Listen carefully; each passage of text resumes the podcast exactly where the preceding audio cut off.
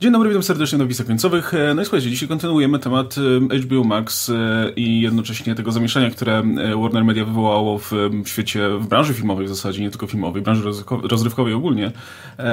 Bo tak jak no, rozmawialiście już, już wcześniej na live streamie, no, ta decyzja nagła w zasadzie, nie, nie zapowiadana w żaden sposób wcześniej o tym, że premiery filmowe Warnera w 2021 roku trafią jednocześnie na streaming na ich platformę HBO Max Max, a także, na, a także do kin, które będą, o ile będą oczywiście otwarte. No, powiedzmy teraz jest szeroko komentowana i jednocześnie okazuje się, że za nią jest jeszcze z parę różnych kontrowersji, o których, o których do tej pory nie wiedzieliśmy.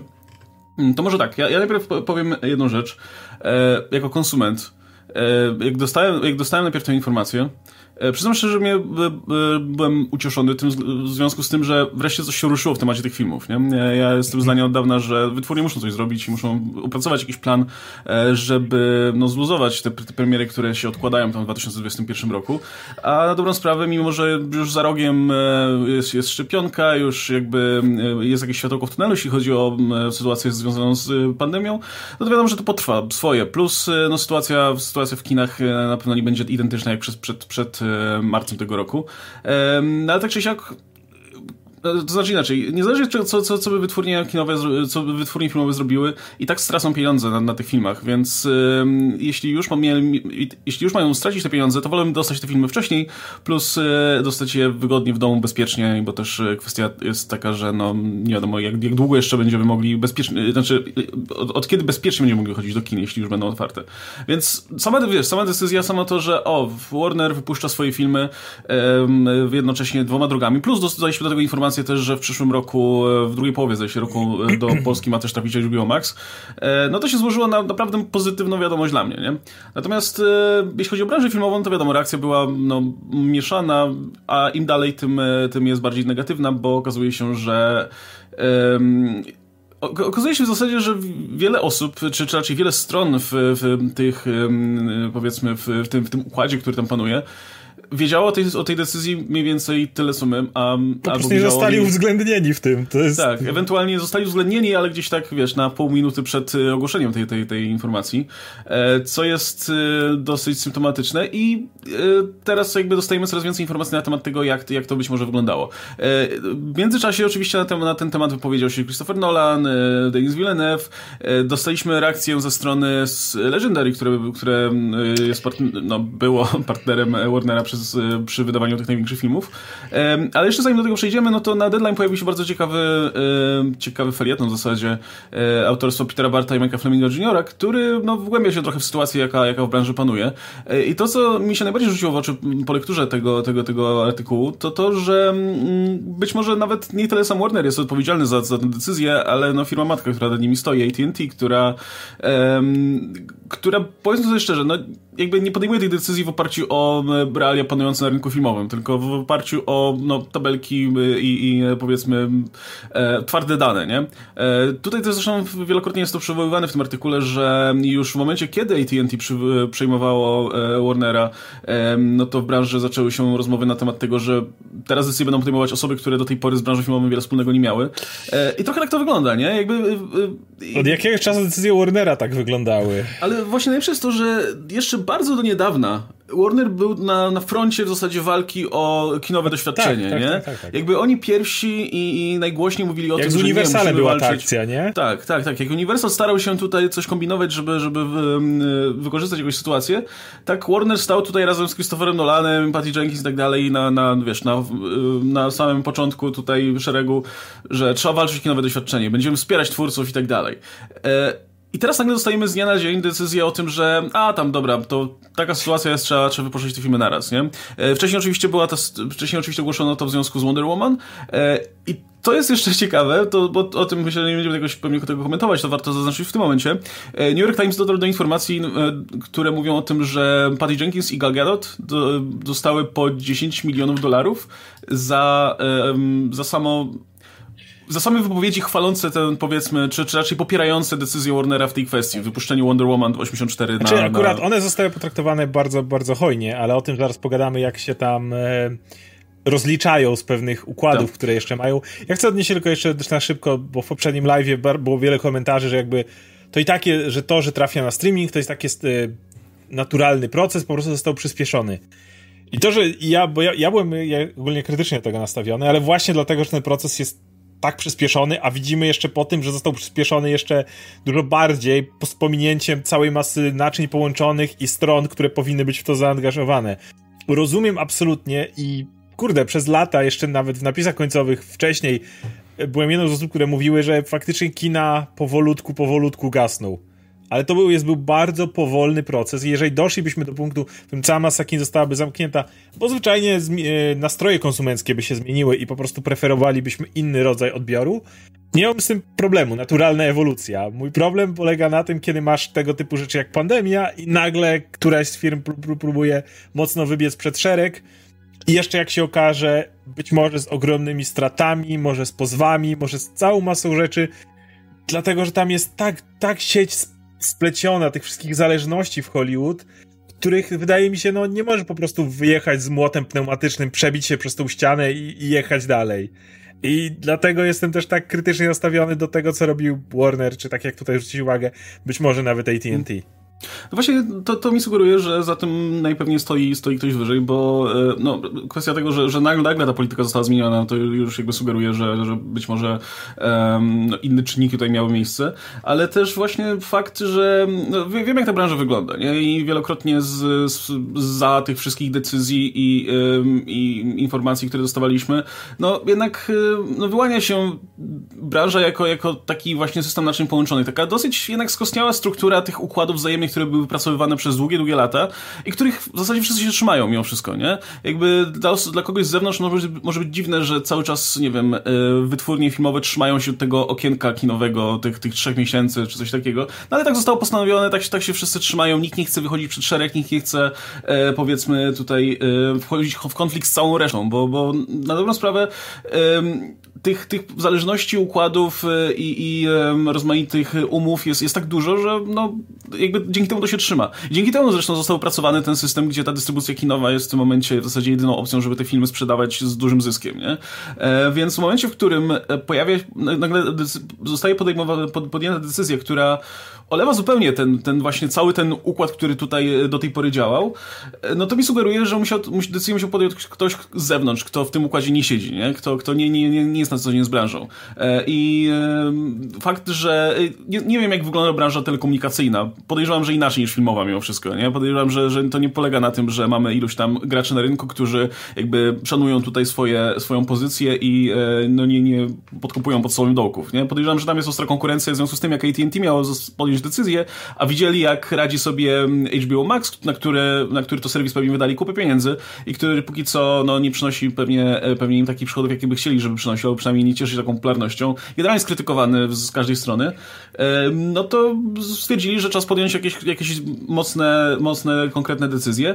Zresztą widać bardzo wyraźnie też, że nie do końca jedna i druga strona, czy, czy ta strona filmowa z Warnera i strona e, wyżej, e, czy, czy, czy grupa wyżej jest, widać, że one nie są w ogóle na tej samej stronie, bo Warner bardzo, bardzo tutaj podkreślał, że to jest nasz plan na ten rok, tak? Później to zweryfikujemy i tak dalej. 2021 rok to jest tylko ten taki przejściowy moment, żebyśmy sobie poradzili z tym wszystkim. Podczas gdy, nie pamiętam kto, kto, kto, to był dokładnie, John Stanky chyba z, z AT&T mówił o tym, że no jak to już puściliśmy w ruch, to już pewnie tak zostanie. Parafrazuję tutaj, ale generalnie z jego wypowiedzi wynikało, że no raczej, raczej, raczej będziemy się tego trzymać. E, gdzie już pomijając kwestię tego, jak będzie naprawdę, no to samo to, że wiesz, że dwie osoby, które, które teoretycznie powinny mówić to samo, mówią co, kompletnie co innego, no już świadczy o tym, że no, jedna strona podejmowała decyzję, druga, druga się musi tego trzymać. Więc no nie wiem, nie, nie wiemy tego na 100%, ale, ale to mi sugeruje mimo wszystko, że no, Warner tutaj wiele do powiedzenia nie miał i to jest jednak no, uroki tego, że, że te dużo większe korporacje przyjmują wytwórnie filmowe. I wytwórnie filmowe mimo wszystko są małymi pionkami w e, tych wszystkich zasobach, jakie te duże korporacje I posiadają, nie? Zanim przejdziemy jeszcze do tego bifu z Legendary, bo on jest tutaj, wydaje mi się, naj, najmocniejszy i może jakby najwięcej namieszać, warto wspomnieć o tym, o właśnie skoro powiedzieliśmy o sieci naczyń połączonych, jak to jest w, w przypadku całej masy kontraktów. Bo te filmy, które oni chcą puścić na HBO Max, generalnie zostały już nakręcone. I e, a już, nawet jeśli jeszcze trwają jakieś tam zdjęcia, to wszystkie kontrakty dawno podpisano. Więc teraz to nie jest tak, że możesz sobie od tak się jakby z tego uwolnić. Na przykład Gal Gadot ma podpisany kontrakt i miała to przy pierwszej Wonder Woman, gdzie część jej garzy jest y, z tego, ile ten film zarobi. I to, to nie jest super popularna rzecz w Hollywood, ale nie jest strasznie niepopularna. Jakby to, jakiś procent aktorów tak robi. E, sławny jest chyba Robert Downey Jr., który y, no, troszkę, troszkę pieniążków dostał od Marvela właśnie dlatego, że mm, przy tym renegocjacji dealu tam bodajże dostał, zgodził się na mniejszy zysk, ale jakiś tam procencik z tych filmów y, mu, mu wpadał. 0-0 mhm. coś tam, wiadomo. Od, od, od Endgame 0-0 coś tam to całkiem fajne pieniądze. I no, co, co teraz zrobić, tak? Jak te firmy idą na streaming, to siłą rzeczy ten, ten kontrakt nie może tak wyglądać. I tutaj, i tu właśnie to mi mówi, że Warner bardzo, bardzo chce uniknąć konfliktu na tą chwilę, więc te wszystkie, gdzie są już podpisane filmy, to jest tak, że oni robią analityczne wyliczenia, ile ten film miałby zarobić na rynku i na bazie tego wypłacają tą kasę. I muszę powiedzieć, że są hojne kwoty, bo na przykład według ich wyliczeń Wonder Woman 2, czyli tam 84, miałaby zarobić miliard dolarów. I na bazie tego na przykład Gadot dostaje swoją garzę. No muszę powiedzieć, że raczej Gadot z tego powodu niezadowolona nie będzie. Bo pierwsza Wonder Woman zarobiła 700 coś, załóżmy, że nie ma pandemii i tak dalej, no jest szansa, że druga by zarobiła ten miliard, ale ja bym stawiał jednak odrobinę mniej niż, niż odrobinę więcej. Więc to jest taka kwota, która myślę, że spokojnie zadowala tutaj e, i każdy kolejny film, który wychodzi, ma również te swoje wyliczenia i zakładam, że wszystkie wyliczenia są takie, żeby odrobinę podnieść, żeby tam żaden reżyser, czy aktor, czy ktoś, kto ma tam, wiesz, problemy, żeby generalnie się uśmiechnął i stwierdził w tej sytuacji, która jest super deal. E, mało tego, mają jeszcze swoje własne wyliczenia na zasadzie, okej, okay, e, miałem układ z reżyserem X, jeśli twój film zarobi 200 milionów, to dostajesz bonus. No to teraz w nowym dealu, jeśli twój film zarobi 100 milionów, to dostaniesz bonus o połowę i znowu tu jest trochę ruletka, bo nie wiemy, czy streaming upierdoli wpływ skin o połowę, czy mniej, wiesz, to też jest niepewne, ale mm. też próbują. Ale myślę, że tutaj oni kombinują jak tylko mogą, żeby generalnie nikt nie miał pretensji, żeby generalnie wszyscy stwierdzali fair. Ale dlaczego? E, gdzie jest tutaj ten e, złowieszczy plan złej korporacji w tym wszystkim? No ten złowieszczy plan tej korporacji jest tutaj, że te, mówimy tylko o dealach do 2021. I tak oni mówią, że to jest jednorazowa sytuacja, że to jest tylko w tym roku, że teraz tylko jak ktoś w to wierzy, to powodzenia, że tak powiem, no, bo ja no, przez... Bardziej, że góra ma inne zdanie, nie? Więc... Ja przez sekundę nie wierzę w to, że no właśnie, że, że to jest tylko na ten rok chyba nie trzeba tu być jakimś super mhm. znawcą branży, żeby wiedzieć, że wszystkie filmy kręcone z myślą później od HBO będą miały już zupełnie inne kontrakty i tam już nie będzie dogadzania i ustalania, że być w razie czego, no twój kontrakt wyglądał trochę inaczej, ale my zrobimy, żebyś był zadowolony. Tu będzie wszystko jechało od zera, więc y, mam wrażenie, że oni próbują teraz wszystkich udobruchać, a potem ludzie się zdziwią po prostu, jak nagle no, to, będą wyglądały nowe tak, warunki. Tak, tym bardziej, że to zwykle dotyczy tych największych gwiazd, nie? No bo bardzo często tam w kontraktach są jakieś zapisy dotyczące tego, jaki procent właśnie, jakie dodatki jeszcze przysługują rozmaitym aktorom czy członkom ekipy, tylko no bardzo często się to rozwiązuje w ten sposób, że tworzy się tą fikcyjną firmę, która teoretycznie produkuje film, ta firma podaje, że no zysk z filmu był na tyle mały, że nic się tym aktorom wtedy nie należy, e, bo, bo powiedzmy koszty są dużo większe niż, to, niż naprawdę były.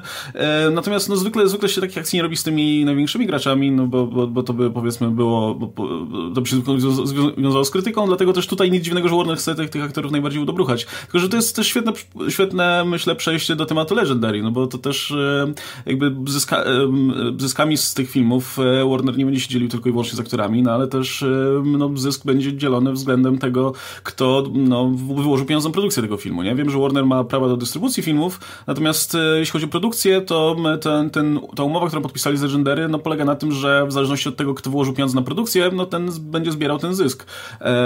I jakby, jakby wcześniej, wcześniej zdaje się przy okazji poprzedniej umowy, jeszcze parę dobrych parę lat temu, no dzielili się jakoś miarę porówno i, i wkładami i, i zyskami, no teraz to w zależności od tego, jak, jak tam projekt wygląda. No więc wiemy, że w przypadku Dune chociażby, czy, czy Godzilla vs. Kong, no ten wkład Legendary w produkcję to wynosił około 75%. Więc y, teraz y, no, im przysługiwać teoretycznie będzie 75% z tego zysku, który ten film zdobędzie. E, Którego z, zysku? No właśnie, z, z, z, czego jakby no też y, tutaj widzimy też, dlaczego na przykład Legendary jest rozczarowany tym, że, że Warner odpuścił ten, ten propozycję od Netflixa, która przyszła, nie? Bo nie kasę. To nie jest tyle, jakby to nie, to nie są pewnie pieniądze, które by wszystkich absolutnie satysfakcjonowały, ale to jest dużo lepsze wyjście dla Legendary niż, niż jakiekolwiek inne, nie? Więc w tym momencie, kiedy, kiedy Warner rezygnuje z tego i no, podejmuje decyzję, żeby to wrzucić na swój streaming, gdzie de facto no, ciężko będzie jakby bezpośrednio przeliczyć to na, na, na, na wpływy, no to, to, to nie dziwnego, że, że wytwórnia jest, jest, jest przede wszystkim no, no, rozczarowana. Plus, tym, bardziej, że nikt z, z, nimi tego nie uzgadniał. Nie? To, to, to jest myślę, że największy problem. Podejrzewam, że byliby w stanie dojść do jakiegoś porozumienia, gdyby nie, nie fakt, że no, dowiedzieli się o tym pół godziny przed ogłoszeniem. No tutaj jakby Warner po prostu, mówiąc bardzo kolokwialnie, no totalnie wpierdzielił Legendary. Tutaj po prostu nie, no, nie, nie ma jak tego inaczej ująć. Robicie razem film. Legendary wrzuca w to 75% kosztu netto i chce dostać 75% zarobku skin. Okej, okay, jest pandemia, więc skina różnie. Może by siebie dogadali, żeby puścić to w reżimie sanitarnym, w ograniczonych kosztach i wtedy wszyscy zarabiają mniej, ale jedziemy na jednym wózku. A Warner nagle mówi, okej, okay, będzie w kinach tam jak będzie, to będzie. E, I z tego tą kasę podzielimy, ale poza tym rypie, rypiemy to na nasz streaming tego samego dnia, gdzie siłą czy raczej cała kasa jest Warnera, no bo tak jak mówisz, to są kasa subskrypcji, nie ma kasy konkretnie za ten film. Więc wy z tego nie zobaczycie ani grosza, a no ilość ludzi, który, przez którą, których potencjalnie wybraliby się do kina przez to, będzie diametralnie mniejsza. Czyli generalnie robimy was w konia, no bo to ina inaczej tego nie można nazwać. No, jeżeli posłucha się plotek z branży i bierz się to z dużym przymrużeniem oka, bo jakby nikt tam konkretnie nie wypowiadał, mamy tylko tutaj słowa dziennikarzy, którzy są gdzieś tam zorientowani, to wynika z takiego bifu z, między Warnerem a Legendary o wbrew pozorom jeszcze Tenet i Dune. E, Warner podobno chciał wypuścić Tenet w grudniu. Dzisiaj oczywiście mogą nawet się cieszyć, że to się nie stanie, bo grudzień nie wygląda wcale lepiej, ale w momencie, kiedy Tenet był przekładany co dwa tygodnie, Warner chciał, żeby to było w grudniu, bo grudzień wyglądał dużo optymistyczniej. Wtedy. E, Legendary, które, i to jest bardzo ciekawe, na ile się orientujemy, nie może decydować o dystrybucji i dlatego ich zażalenia wbrew pozorom będą bezzasadne z, z punktu widzenia prawa. Warner jak będzie chciał, to sobie wrzuci to na, na HBO Max, ponieważ są bezpośrednio dystrybutorem, ale mie, mo, mieli wpływ na to, kiedy dany film zostanie wyświetlony. Więc znowu z tego raportu wynika, że oni po prostu się uparli, że Duna ma być w grudniu i koniec. I jej nie przesunął. I wtedy Warner, który jednocześnie chciał być dobrze z Chrisem Nolanem żyć i nie chcieli mu tego filmu przerzucać na czas nieokreślony, no puścili go wtedy, kiedy go puścili, pieniążków na tym nie zarobili i ponieważ Legendary nie chciało grać z nimi, to oni teraz uznali, że nie będą grać z Legendary i po prostu ich pominęli. Znaczy, że Legendary ostatecznie tak musiało się zgodzić na przesunięcie Dune, no bo grudzień jest kompletnie no, nie, nierealny na tą chwilę. Więc to jest podobno beef, w którym jedni drugim nie poszli na rękę, to teraz ci ignorują ich. No z tym, że no, no to jest taki biznes, w którym no tak jak mówię, wszystko wskazuje na to, choć nie mamy 100% pewności, bo nie zaglądaliśmy wtedy ile, ale że Warner prawnie ma, ma możliwość faktycznie wrzucenia tego na swoją platformę, bo mogą decydować. I to, I to jest ciekawe, bo w tym momencie Legendary, jeżeli może decydować o terminie, to tego już, to już tylko są domysły, że na przykład stwierdzić, że w takim razie przesuwają termin, ale czy tylko termin kinowy na przykład? Czy mają jakikolwiek wpływ na termin na platformie HBO? Zakładam, że nie, bo inaczej mogliby się domyślić, że tamci by im w odwecie prawnie przesunęli to, a to raczej nie wchodzi w grę. Więc zakładam, że aż takiego wpływu nie mają. No, nie, w każdym razie rozumiem zażalenie Legendary na pewno, bo to jest wywalili masę pieniędzy po to, żeby promować w tym momencie platformę e, streamingową HBO, tak? Tak, I i to to musi pieniądze- być strasznie beznadziejne. Plus, jeszcze tylko skończę, to co mówiłeś o tym dealu z Netflixem, gdzie Netflix chciał kupić Kong i Godzilla z 250 baniek, Warner jakby też się na to nie zgodził. E, Legendary zakładam, że przystało, bo jechali na tym samym wózku, po czym Warner wbił im nóż w plecy. To to inaczej tego nie nazwę, bo, bo, bo przy tych 250 milionach na Netflixie przynajmniej jakąś kasę by z tego mieli, tak? A tu po prostu dostali nożem w plecy i zobaczą z tego tyle. To pewnie będą próbować. Powiem tak, nie sądzę, żeby tak duże, tak duże firmy skończyły to po prostu na zasadzie oni mają słuszność, na pewno będą batalie prawnicze, na pewno będzie szukanie precedensów, jakichś drobnych kruczków, w których ci działają na szkodę, ci działają w złej wierze i tak dalej, i tak dalej. Jedno jest pewne, nawet jeśli na pierwszy rzut oka Warner ma słuszność, to to się nie skończy od, od tak sobie. A, no właśnie warto też podkreślić, bo wiele osób było zdziwionych, że jakim prawem w ogóle Warner decyduje sam o, o tym, e, jakby o dystrybucji filmu, który, e, do, do którego tak duży wkład miała inna firma. No właśnie ze względu na to, że najwyraźniej, nie wiem jak wyglądały oczywiście te umowy, no najwyraźniej Warner ma, miał prawo decydować o tym, jak, gdzie i jak ten, ten film będzie dystrybuowany. Zresztą wiecie, no przy poprzednim krajobrazie filmowym, jakby podejrzewam, że nawet nie trzeba było tego jako- jakoś super dokładnie precyzować, biorąc pod uwagę, że i tak wychodziła w grę tylko i wyłącznie dystrybucja kinowa, nie? Jakby nie było innej opcji za bardzo. Trudno sobie wyobrazić, żeby duży blockbuster od tak sobie poszedł na, na, tylko na, na streaming, bo to nie byłoby na rękę nikomu, nie? Dopiero I w tej dziwnego- specyficznej sytuacji jakby e, Warner może, może coś zyskać, powiedzmy, no, krót, no pewnie, pewnie tylko krótkoterminowo, a, a Legendary, no, no nie. E, Tu to- przychylając się jeszcze powiem do tego raportu, jakby dlatego wiarygodność ma pewne utwierdzenie, że Legendary miało wpływ na termin, bo to jest jedyna rzecz, na, o którą warto było negocjować w przypadku dystrybucji, prawda? Bo po co ci negocjować drogę dystrybucji, skoro tak jak mówimy, to i tak idzie do kin.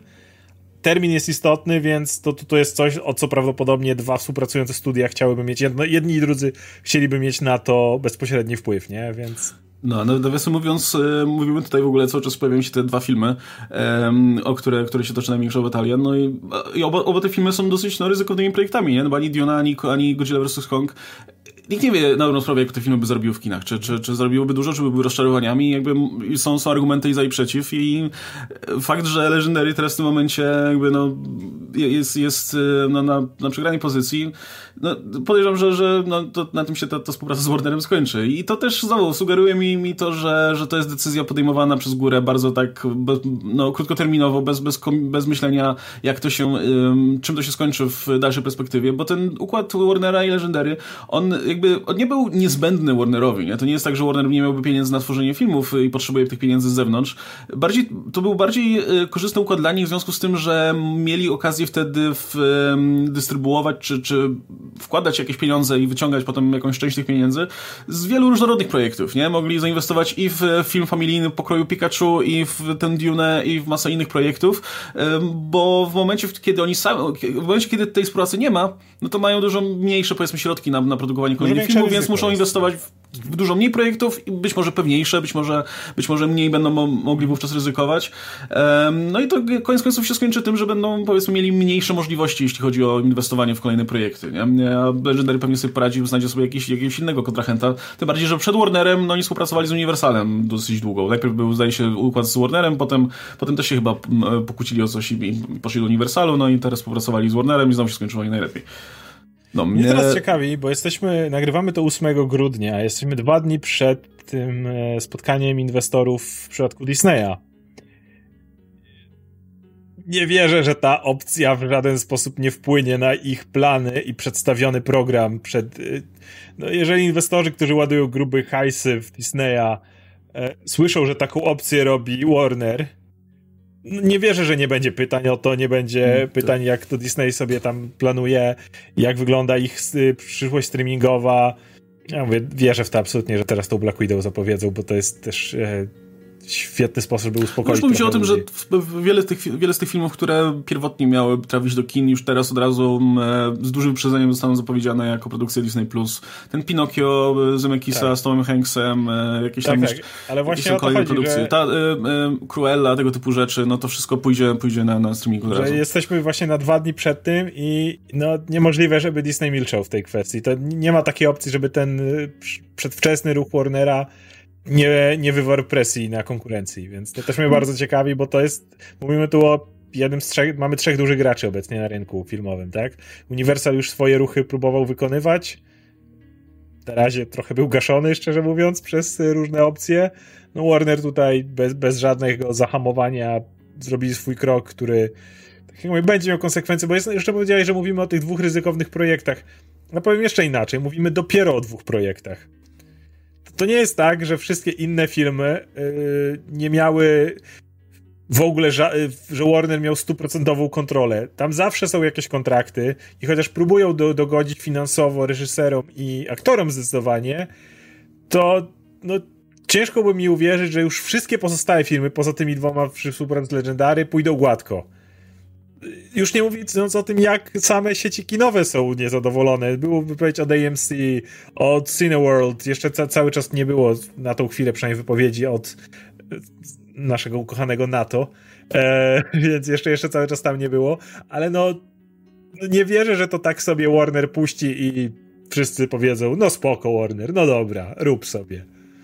No właśnie, zresztą um, mówi się też o tym, e, celowo jeszcze o tym nie wspominałem, bo to jest troszkę też osobna kwestia, że um, no, ta decyzja nie jest podyktowana tak naprawdę jakim, jakąś strategią rynkową, ani e, projektem na kolejne lata, czy, czy nie wiem, jakimś właśnie potrzebą zmiany spo, sposobu dystrybucji jako takiej, ale bardziej przypodobaniem się akcjonariuszom w, w związku z tym, że no, no jakby, no, tak, jak, tak jak na początku, no, platforma Warnera generalnie radzi sobie bardzo kiepsko i te jakieś pojedyncze produkcje, które do tej pory na nią trafiały, no, no tego obrazu tutaj nie, nie poprawiają.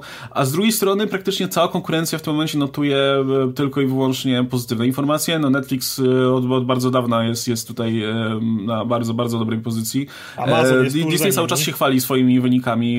Jeszcze, jeszcze jest Amazon, który jest tuż za Netflixem, chcę przypomnieć. tak, no właśnie. Ich, ich produkcje to sobie radzą całkiem nieźle. No i nawet Disney Plus, które, które, gdzie można było mieć wątpliwości, oni cały czas się chwalą oczywiście tymi wynikami, swoimi cyferkami, tak? Oczywiście, no wiem, że te cyferki wynikają z, też z paru innych kwestii, no ale teraz na przykład wypuścili Mandaloriana, który jest najpopularniejszym serialem ogólnie na streamingach, nie? W... Kręcą 18 tysięcy seriali Marvela jednocześnie. No właśnie, momencie, i jakby nawet... jesteśmy cały czas u progu tej, tej fali, która, która w końcu nadejdzie i praktycznie, praktycznie dotrzemy do tego momentu już całkiem niedługo na dobrą sprawę, że praktycznie będziemy mieli tam duży serial za dużym serialem. Ja myślę, że, że one się zaczną nakładać. Przy ilości, ja byłem pewien, że oni je sobie będą rozkładać na spokojnie, ale przy ilości, które kręcą teraz, oni kręcą w tej chwili wszystko, co zapowiedzieli, oficjalnie oczywiście, bo są plotki o tym i tamtym, ale oficjalne zapowiedzi kręcą absolutnie wszystko, poza She-Hulk i Moon Knightem, których zdjęcia startują w styczniu. No. Więc generalnie kręcą te wszystkie seriale naraz. Ja, ja wydaje mi się, że to nie będzie, będzie tak, że będziemy mieli duży serial dużym serialem. Wydaje mi się, że tam się zaczną nakładki, przynajmniej mówimy o wszystkich. Jeżeli Star Wars, ostatnio Diego Luna się wypowiadał, że do Cassiana Endora też już, już, już lada chwila wszystko rusza. Więc no, wydaje mi się, ja myślę, że... podejrzewam, że na tym Investors Call Disneyowym też dostaniemy jakieś kolejne tytuły, jakie, jakie być może będą produkowane Więc wydaje mi się, że tam się za, zaraz zacznie to zakładać, że będziesz miał w jednym tygodniu jeden odcinek Star Wars i jeden odcinek Marvela na przykład, czy coś w tym rodzaju. No i wtedy zobaczymy, jak mocno, jak ważne, jak ważne są te duże marki, nie? Bo, bo jasne, fajnie, że Netflix czy, czy Amazon mają te produkcje, które się cieszą popularnością, ale okazuje, widać po Mandalorianie, no produkcja po prostu, która, y, która ma Star Wars w nazwie i od razu cieszy się ogromną popularnością, od razu, wiesz, grupa osób, od razu masa osób, która wcześniej nie była może aż tak zainteresowana streamingiem się, się nagle tym interesuje, a no, w kolejce czekają kolejne, nie? Jakby też też y, od, od jakiegoś czasu się coraz częściej mówi o, o kolejnych spin-offach, powiedzmy właśnie o serialu Bobie Fecie i tak dalej. I no to wszystko będzie budować, ten, ten znowu, ten ekosystem, gdzie nie będziesz musiał wychodzić z Disney Plus, żeby, żeby dostawać rzeczy, które lubisz. Kiedy odbijasz do Warnera i ja dawno się śmieliśmy, kiedy powiem największym statkiem flagowym na horyzoncie horyzoncie jest Snyder Cut, to wiesz, że coś zrobiłeś źle. Mm. Bo tak, są szumne zapowiedzi tego serialu z Green Lantern. Jasne, ostatnio zaczęło się coś ruszać, poszły castingi i tak dalej, ale po raz kolejny mówimy, kiedy wy to zaczęliście robić? I dla, dla, po raz kolejny ta decyzja wygląda na mnie, u mnie jak, trochę jak panika na zasadzie orzesz w mordę, nie mamy mm, high quality, no dobra, to, to byłoby nie, nieuczciwe powiedzenie, bo HBO absolutnie ma high quality content ale nie mamy wysokoprofilowego kontentu, żeby ściągać e, po prostu subskrybentów. I oni się nagle zorientowali, że do tej pory reklama HBO ich samej wysokiej jakości, którą często prezentowali i dalej prezentują, sama w sobie nie wystarczy, żeby trafić do tak szerokiego grona. i obudzili się tak późno, że w tym momencie wydaje mi się, że to jest decyzja na zasadzie nie wiemy co z tymi kinami, więc y, nie ma, więc robimy co możemy, ratujemy platformę, która ewidentnie się chwieje i nie mamy na nią mamy na nią długoterminowy pomysł, ale nie mamy na nią nic w tej chwili, a problem jest taki, że jak już się subskrybenckie e, przyzwyczajenia wyrobią i nagle ludzie przy, zaczną te Disney Plus, te seriale oglądać jeden za drugim. Już i tak mówiliśmy, że z Netflixa to nie tak łatwo zrezygnować, bo tam cały czas coś jest, jeżeli ktoś opłaca mhm. jeszcze Amazon. To nie jest tak, że nowa, nowa platforma nie może się przebić, ale poprzeczka rośnie. Coraz mm. trudniej będzie ci się w rynek, którym już masz w tej chwili, ja powiedział, że dwa giganty, bo Disney Plus nie nazwałbym jeszcze na poziomie Amazonu i Netflixa, ale kto wie, czy zaraz nie będą trzy giganty. HBO będzie coraz trudniej w klin między nimi wbić i tam podebrać tych subskrybentów, którzy są przyzwyczajeni do swoich seriali ulubionych, które mają kolejne sezony, swoich tych kolejnych produkcji. I więc ta trudność rośnie, więc według mnie ten ruch jest trochę po prostu desperacją na zasadzie okej, okay, to może te filmy, bo, bo, bo no, mo może tak, się nie uda.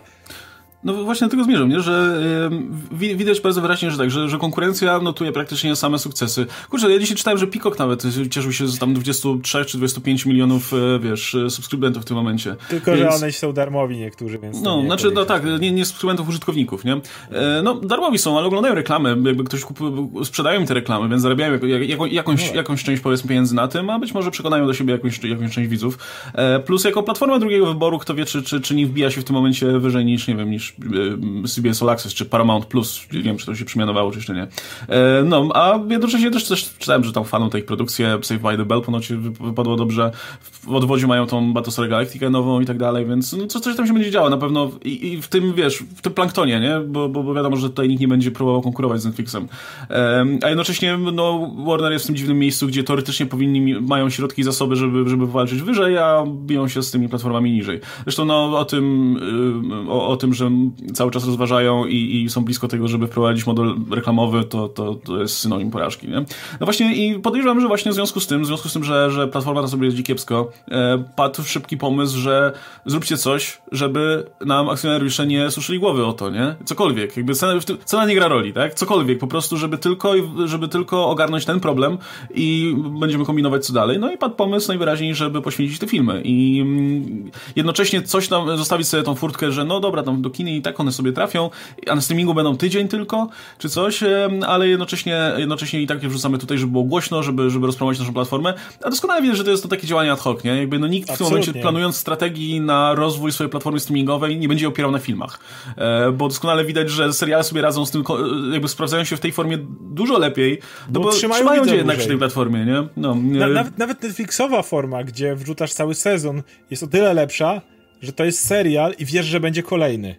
Netflix no. ci od razu przy okazji wróci 50 innych rzeczy po drodze, sezonów różnych rzeczy, obaj oglądaj, ale nawet pod tym względem masa ludzi przyjdzie do, y, obejrzy tego Witchera, może zostanie po, przy innych rzeczach, wiedząc, że powiedzmy będzie kolejny sezon Witchera, czy The Crown, czy, czy czegokolwiek innego, będzie, będą mieć, że to nie wszystko już jest, już coraz bardziej Netflix odchodzi, to oni zauważyli też i nie wszystko leci cały sezon mm. naraz, jest sporo seriali, które już idą odcinek po odcinku, ale właśnie o to chodzi, że to przy, przyzwyczaja ludzi i dlatego też nie wiem, co, co mówiąc, co robi Universal teraz, bo nie wiem, nie wiem do końca, jaką oni mają strategię.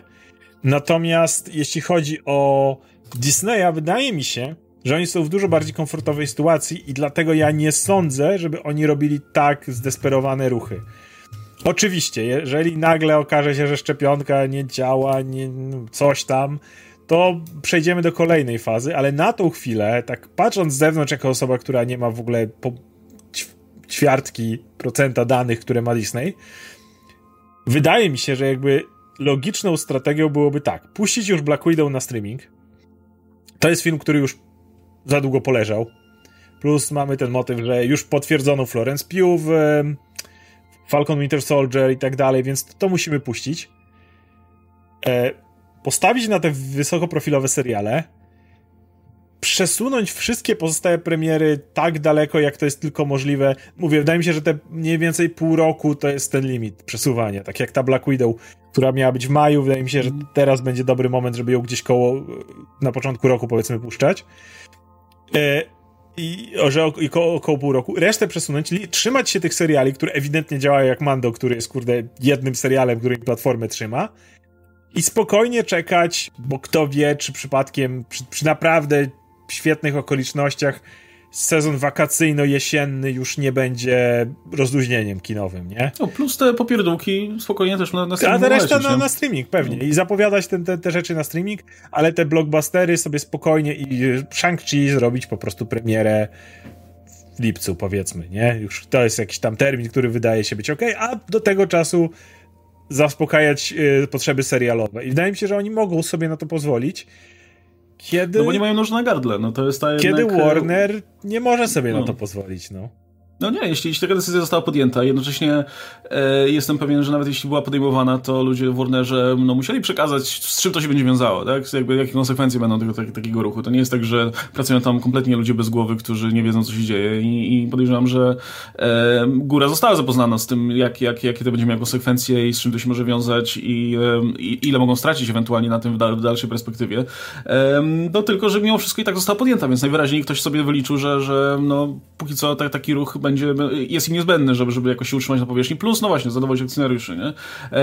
A no tak jak, tak jak wspominaliśmy, no te, te filmy to nie jest optymalna forma tutaj prowadzenia platformy streamingowej, bo ja się osobiście bardzo cieszę, ja wolę oglądać filmy niż seriale, więc ponownie, ja jestem bardzo uradowany tym, że będę mógł sobie zobaczyć te, te, te filmy, jeśli sytuacja powiedzmy na, na poza dołem nie będzie tutaj optymalna, e, ale no prawda jest taka, że, że to jest takie działanie na, na no, żeby, żeby, żeby tylko coś, w tym momencie wypuścić. Ja wspomniałeś się o Universal. No Universal no, ma tego Peacocka swojego, więc oni jakby tak, jeśli będą robić jakieś produkcje serialowe, które będą... No, ale e... Peacock nie wygląda na miejsce, gdzie możesz blockbuster wcisnąć w razie czego. No więc y, dlatego, dlatego właśnie Universal jest tym pierwszą wytwórnią, która próbuje jakby dogadywać się, e, co zrobić z dystrybucją swoich filmów i oni z racji tego, że ich platforma no nie jest platformą, która by przyciągała, wiesz, mil, e, dziesiątki milionów osób. wściekłych kolejnych, nie? To oni, oni są, oni widać, że bardziej forsują to rozwiązanie z, z premium VOD, nie? Że jeśli wychodzi duży film, no to wypuścić go na premium VOD e, i być może jednocześnie do kin, być może tutaj wcześniej do kina, a niewiele, niewiele krócej potem do, e, na, na, na streaming. E, no, oni widać, widać, że oni doskonale wiedzą najwyraźniej na czym stoją, nie? I że, że to, to jakby nie, no u nich nie wchodzi w grę takie rozwiązania, jak nie wiem, jak wypuszczenie filmu na, na, na swojej platformie, no bo to nie, nie płaci się najzwyczajniej w świecie, nie? Więc jakby no, będą robić jakieś swoje, od czasu do czasu zrobią jakiś większy serial, podejrzewam, żeby rzucić na swoją platformę, żeby ściągnąć jakichś ludzi, ale podejrzewam, że, że raczej no, nie, nie będą się w ta, jakoś aż tak angażować. Plus oni no, mają te marki filmowe, których się będą pewnie trzymać i które będą dalej e, forsowali w tej dystrybucji kinowej, a jak nie, no to, to, to szukają tych drugich, e, znaczy tych um, alternatywnych metod, nie? E, gdzie no Warner widać tych alternatywnych metod nie szukał, tylko podjął decyzję od razu natychmiast. Ja, ja chciałem jeszcze raz się właśnie odnieść do tego, że jakby też absolutnie rozumiem preferencje streamingowe, jakby teraz jest, ja wolę obejrzeć film w kinie, ale jakby no wiemy jaka jest sytuacja, nie mogę stryknąć palcami, e, i, albo w ogóle udawać, że wszystko jest w porządku, bo nie jest. I gdybym miał taki wybór, to po prostu wolałbym to kinowe doświadczenie. Uważam, że ono jest lepsze i pełniejsze póki co. Ale rozumiem i od dawna też sam mówiłem o tym, że jest to transformacja i jakby nie mam nic przeciwko osobie, która woli obejrzeć to na streamingu, obejrzeć w domu. Po prostu uważam, że ten ruch, który w, dla wielu osób wygląda jak takie błogosławieństwo, jest opatrzony bardzo nieładnym kosztem, który jest bardzo szkodliwy. I jak wspominałem, naturalne przejście do takiego procesu oglądania uważam, że w ciągu kolejnych 10 lat faktycznie byłoby realne. Forsowanie tego, no to jak większość rzeczy, które się forsuje, nie? Mhm. E, jeszcze mam do ciebie pytanie. Załóżmy, że hipotetyczna sytuacja. Powiedzmy, że jest lipiec, masa społeczeństwa jest na tyle wyszczepiona, że możemy bezpiecznie otwierać kina, może jakiś tam dalej reżim sanitarny robić, ale już powiedzmy, że ludzie czują się na tyle bezpiecznie, że w miarę do tych kin mogą czy restauracji znowu chodzić. Tak jakby, powiedzmy, że jest, wracamy do tego, co było latem ostatnio, a, a nawet mm. bezpieczniej, bo jakaś tam szczepionka lata. Yy, powiedzmy, że Warner się yy, zaparł i wygrał te procesy i to, co chciał, puścił na swoim streamingu, nie było żadnego problemu z tym względem.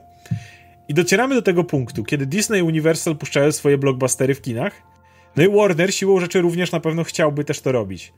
Czy uważasz, że wtedy dojdzie do kolejnej renegocjacji deali pomiędzy kinami a studiami, w której Warner zostanie potraktowany jako czarna owca?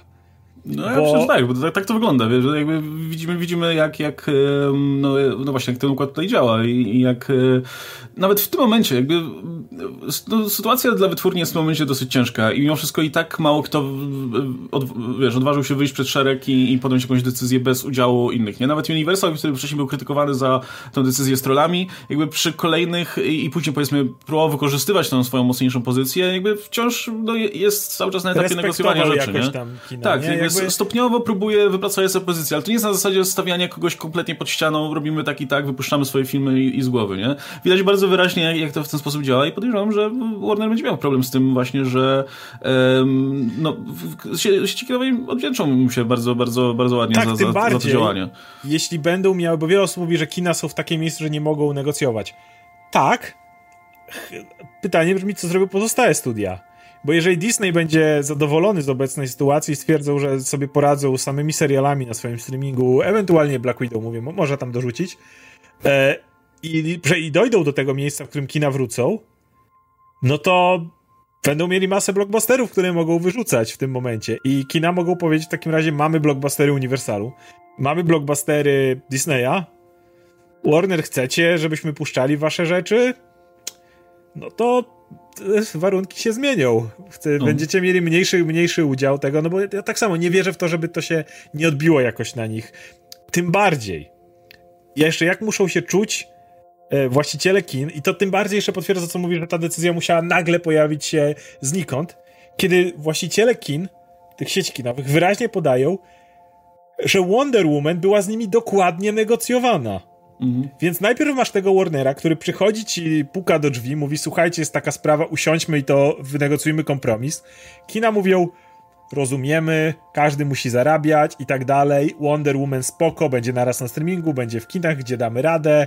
Rozumiemy, na ten jeden film się dogadajmy, bo tak wszystkie kina podają taką wersję, że Wonder Woman była z nimi dokładnie przenegocjowana. Tydzień później Warner wjeżdża, to lecimy ze wszystkim! Wiesz, tak jakby... No właśnie to jest też podawane bardzo często, że jakby jeszcze nie byłoby takiej dramy, gdyby nie fakt, że zostało to ogłoszone z góry na cały rok, nie? Gdzie tak. E, o ile powiedzmy mniej więcej, no wiemy, że sytuacja nie zmieni się jak za dotknięciem czarodziejskiej różdżki, nie wiem, w pierwszej połowie roku, ale no, druga połowa roku jeszcze jest no niewiadomą, nie? Jakby wiele się może, może jeszcze wydarzyć w, tym, w, tym, w tym względzie. I w tym momencie jakby podejmowanie decyzji za cały rok, e, za, za produkcje, które, które no, przez cały rok miałyby wychodzić, e, no jest no, dosyć, dosyć dziwne, nie? W tym, w tym wypadku. Tym bardziej, że no, sytuacja się może zmieniać dra dramatycznie, więc... No, olali też przede wszystkim y, kina i dlatego właśnie uważam, że jakby już nawet na takim punkcie, bo wiadomo, że biznes i zarobki jest najważniejsze, ale wiemy, że relacje mimo wszystko też mają znaczenie w biznesie, tak? I, i nieraz przez to, to, co mówimy, nawet Legendary Warner być może złe relacje po prostu, bo ci się uparli na jedno, to ci odwdzięczne upierają się na drugie. No, cała masa rzeczy, historii w biznesie, kiedy dwóch panów prezesów się nie lubiło i coś, coś, coś tam sobie dowalili. I w tym momencie Warner, który pomija kina, no może zostać sam pominięty, o ile kina dzięki Disneyowi czy Universalowi będą mogły mieć jakąkolwiek pozycję negocjacyjną, bo tego też nie wiemy, co jest pod znakiem zapytania, ale zakładając, że tak może być, to też może zostać pominięty z pewnych rozmów. Tym bardziej mówię, dla mnie to tak bardzo nie ma sensu, że przychodzisz i, i dyskutujesz o jednym filmie i wypracowujecie kompromis tylko po to, żeby za chwilę ich kompletnie olać. Jakby cały czas wyobrażam sobie, że Warner mógłby wraz z rozwojem sytuacji film po filmie w ten sposób negocjować. Skoro wynegocjowali to Wonder Woman, to ja absolutnie widzę, że kolejne filmy, które chcieli puszczać w pierwszej połowie roku, mogliby po kolei film po filmie negocjować, zachowując dobre relacje i działając w dobrej wierze, zachowując kompromis razem z sieciami kinowymi. I mhm. mam, mam, mam wielką nadzieję, że jeżeli Universal czy Disney zdecydują się na taki ruch, na przykład wspomnianą Black Widow, to będzie to w, pod, na podobnej zasadzie, co y, Wonder Woman przynajmniej była. Zresztą wtedy już mają absolutnie pretekst dogadaliście się z Warnerem na Wonder Woman, dlaczego nie dogadacie się z nami na Black Widow, prawda? Ale ma, trzymam kciuki, że jeżeli będą chcieli kolejne filmy robić w ten sposób, na przykład Shang-Chi z jakiegoś powodu, czy, czy, e, czy nawet Eternals musieliby puścić w in, w, na streamingu, to że byłoby to po konsultacji, dlatego że w innym wypadku to się to wszystko rozpieprza po prostu kompletnie i, i no, jakakolwiek wiarygodność też do, do, do Warnera myślę, że stała mocno zachwiana bo to jest, wiesz, podajemy wam prawą rękę, a lewą w tym momencie załatwiamy deal za waszymi plecami. No właśnie, to, to sugeruje, że, że no cała decyzja była podyktowana tym no, przypodobaniu się scenariuszom, nie? No bo gdyby faktycznie to miało być e, planowanie strategii na kolejny rok, e, no to jasne, ludzie w Warnerze mogliby stwierdzić, dobra, to teraz będziemy robić to w ten sposób, że postaramy się wypuszczać te filmy jednocześnie hybrydowo, ale wówczas nie, nic, nic nie stałoby na przeszkodzie, żeby faktycznie negocjować to za każdym razem, nie? I mm. widać, że y, jakby to jest 100% prawda, że sieci kinowe są w coraz gorszej pozycji do negocjacji, ale wciąż są partnerem do negocjacji, nie? I podejrzewam, że nie miałyby nic przeciwko, jeśli sytuacja by się nic nie zmieniała, nie? Że kina nawet, niektóre są otwarte, niektóre nie. E, sytuacja wygląda tak, jak wygląda teraz. No dobra, no przynajmniej będziemy mieli co grać, tak? Przynajmniej będziemy mieli cokolwiek w tych kinach w tym momencie. I zachowamy co, co, co... jakąś relację ze studiem, no. licząc na to, że jak się sprawa poprawi, to postaramy się wrócić mniej więcej do tego status quo, no. które było wcześniej, na, na, ile będziemy mogli, a póki co mamy dobre relacje, bo my wam idziemy na rękę, bo puszcz... okej, okay, zgadzamy się na to, żeby te okno kinowe w ogóle wywalić, puszczacie naraz, ale my mamy co grać. Jakby ja jestem absolutnie w stanie uwierzyć, że, że na kilka filmów z rzędu kina byłyby w stanie się dogadać spokojnie na to, co Warner oferuje. Ale oni nawet nie zostali zaproszeni do tego stołu. No właśnie, plus, y, no właśnie, w, w, w tym momencie jakby z tego co widziałem były powiedzi, że no ale to jest oczywiście nie do końca, no, niekorzystna sytuacja dla kin, ale wciąż nie beznadziejna, będą mieli co grać. No spoko, tylko że no właśnie nie, nie wiemy jak sytuacja będzie wyglądała w, kolejny, w kolejnych miesiącach. Załóżmy, że na koniec roku sytuacja się troszkę poprawia i chociaż, e, no tak jak mówię, no nie sądzę, żeby to wróciło do stanu sprzed epidemii, ale no otwiera się więcej kin, tak? Jest więcej kin i więcej sieci ma, ma szansę zarobić, e, no ale układ jest już taki, że no wypuszczamy wszystko hybrydowo i w tym momencie jakby konkurencją dla tych wszystkich otwartych kin jest no obejrzenie tego filmu w domu, więc e, no to jest dużo trudniejsza konkurencja niż w tym momencie niż, niż teraz, kiedy sam fakt, że kina mają jakikolwiek blockbuster do grania już jest czymś znaczącym, nie? Za jakiś czas to już przestanie być, być na tyle no, znacząca rzecz.